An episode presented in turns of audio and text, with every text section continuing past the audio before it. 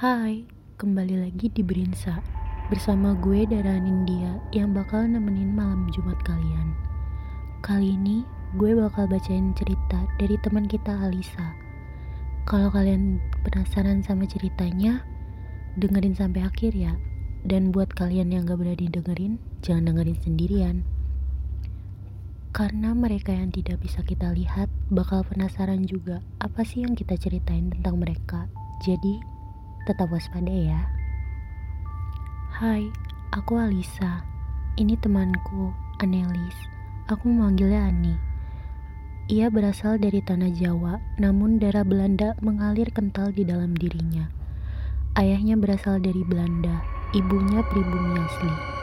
Ia cantik, menurun dari ibunya Rambut coklatnya berkepang dua, kulitnya putih bersih menurun dari ayahnya. Ia sangat baik pada semua orang. Aku sudah lama bertemu dengannya, sedari usiaku 14 bulan. Aku bertemu dengannya di Tangerang saat aku dan keluargaku tinggal di sana.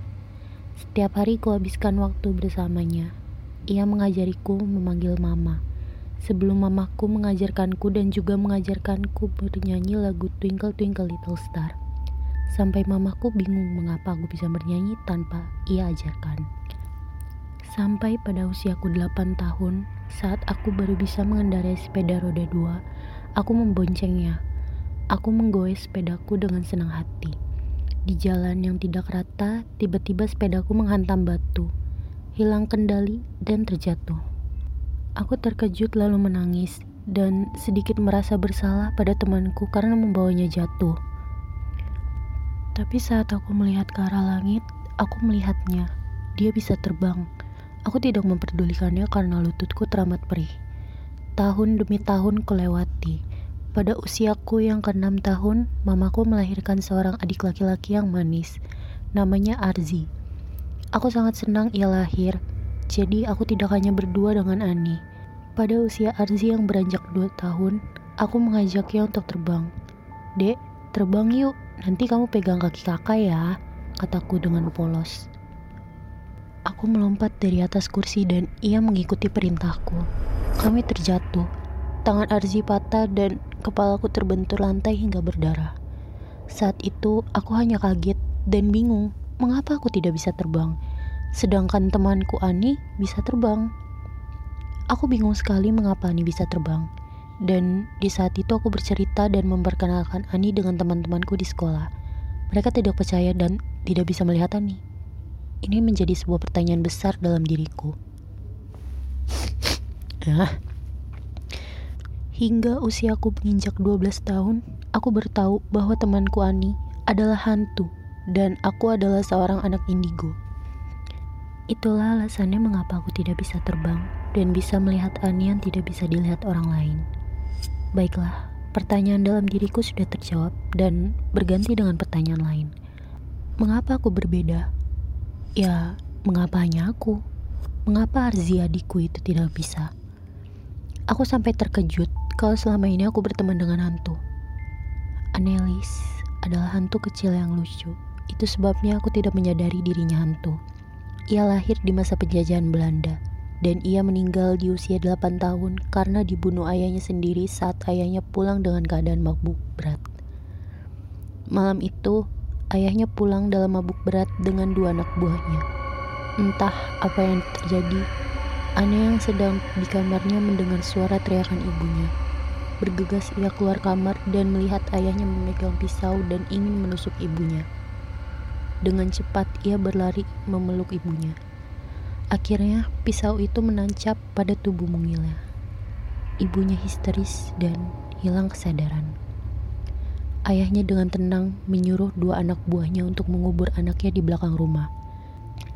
Mereka menyeret tubuh mungil Ani yang dipenuhi darah dan menggali tanah di depan kandang kuda. Sebelum menguburnya, anak buah ayahnya memotong kaki Ani untuk mengambil gelang kakinya, lalu melempar potongan kaki itu. Ibunya yang tak sadarkan diri dikurung di kamar oleh ayahnya. Ani ingin memeluk ibunya, tapi menembus. Ia menyadari bahwa dirinya itu bukan lagi seorang manusia. Seperti pada umumnya, seorang ibu pasti merasakan keberadaan anaknya walaupun anaknya sudah tiada. Ia tidak tega melihat ibunya selalu menangis. Ia pun pergi meninggalkan ibunya. Dan ini juga bukan dirinya. Ini hanyalah sesosok jin yang menyerupai dan merekam semua memori kehidupan keluarga Ani. Arwah Ani yang sesungguhnya sudah tenang di dalam surga sana. Aku mengerti mengapa hanya aku karena ini adalah sebuah hadiah dari Tuhan untuk diriku. Sejujurnya aku tidak mau melihat yang tidak bisa dilihat orang lain. Di mana pun aku berada, aku melihat yang tidak dilihat orang lain. Dan aku bisa melihat kejadian apa saja yang terjadi di tempat itu. Seperti masuk ke dalam lorong waktu. Jujur aku takut saat aku datang ke suatu tempat, lalu aku memasuki lorong waktunya. Aku tak kuasa melihat kejadian menyeramkan yang terjadi pada zaman dahulu sebelum merdeka. Jika aku bisa meminta pada Tuhan untuk menjadikanku manusia biasa, aku ingin lakukan itu.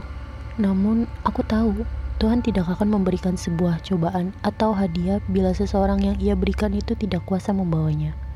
Sesungguhnya, Tuhan memberikan sesuatu sesuai batas kemampuan seseorang. Bertahun-tahun kelewati, hingga kini aku sudah mencapai mimpiku. Hari-hari kulalui bersama Ani.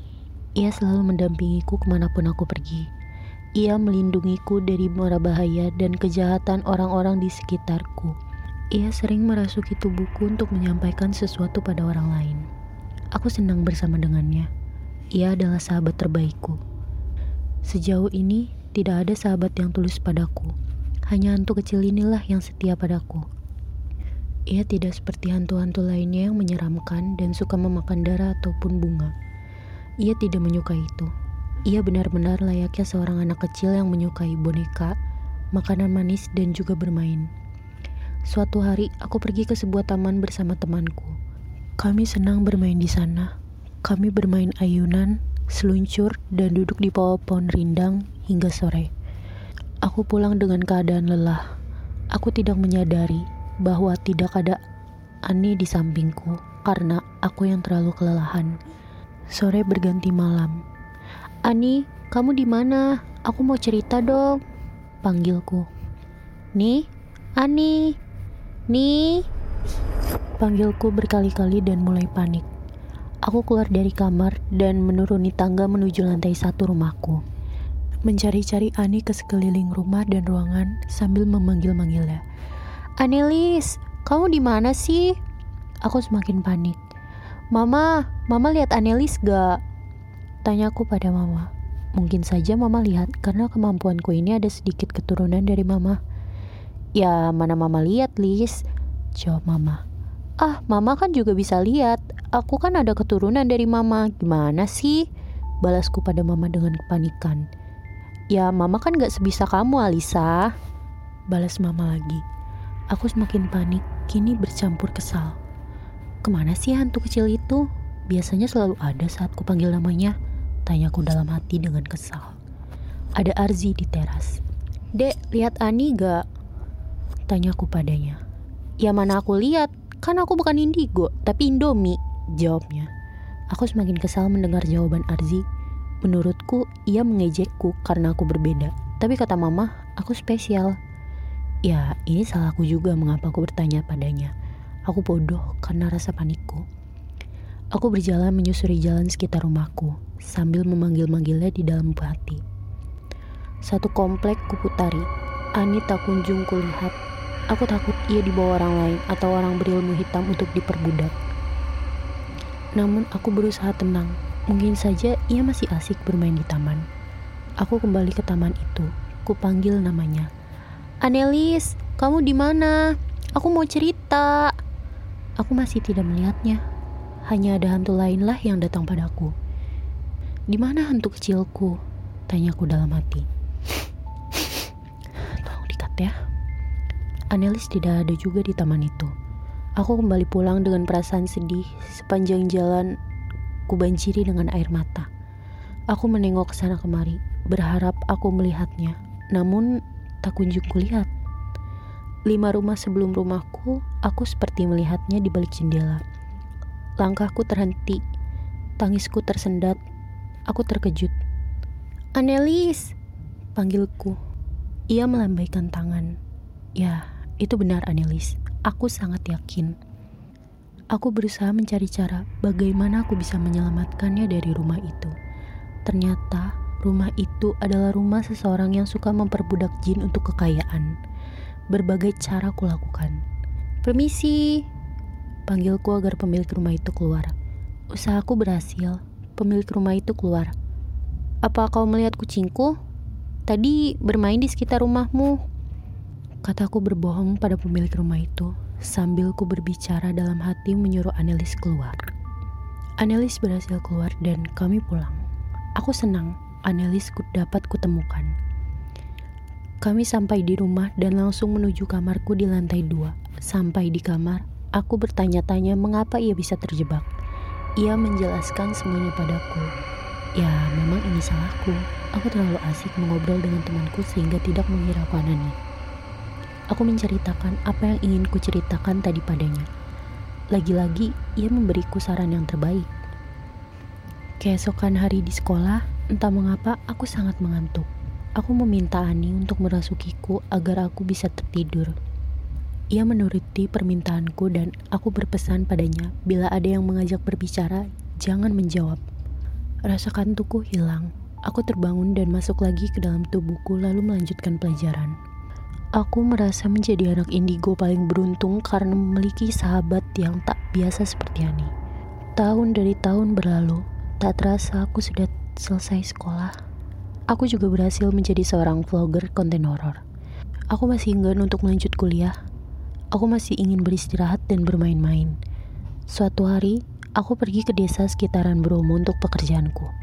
Aku dan timku mengunjungi sebuah desa yang kental dengan adat. Saat sampai dan bertemu dengan ketua adat, kami dipakaikan kain khas mereka. Mereka juga sangat ramah. Aku senang.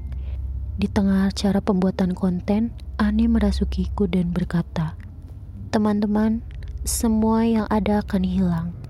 Semua yang datang akan pulang karena setiap ada yang menemani tidak akan bertahan lama. Bangsaku memiliki tugas masing-masing. Sontak semua menangis. Aku tersadar, lalu menangis sejadi-jadinya. Ternyata daerah itu adalah daerah rumah Ani tinggal dan di tanah itu pernah berdiri sebuah rumah megah serta tubuhnya yang tertanam. Aku seakan kehilangan diriku. Hatiku sangat hancur Aku pulang dengan keadaanku yang setengah kosong. Beberapa bulan berlalu, aku merasakan hadirnya. Ya, dia kembali dengan versi terbaiknya. Tubuhnya lengkap dan bercahaya. Aku bahagia melihatnya lagi. Dan akhirnya, kita bersama lagi seperti dulu, menjalin persahabatan yang tak biasa. Oke, jadi itu cerita dari Alisa yang gue bacain buat nemenin malam Jumat kalian. Terima kasih buat kalian yang udah dengerin podcast Berinsa sampai akhir. Dan kalau kalian ada cerita horor untuk dibagikan dengan sahabat Berinsa, kalian bisa DM di Instagram kita at osis SMK Budiwarman 2. Terima kasih udah dengerin podcast Berinsa. See you.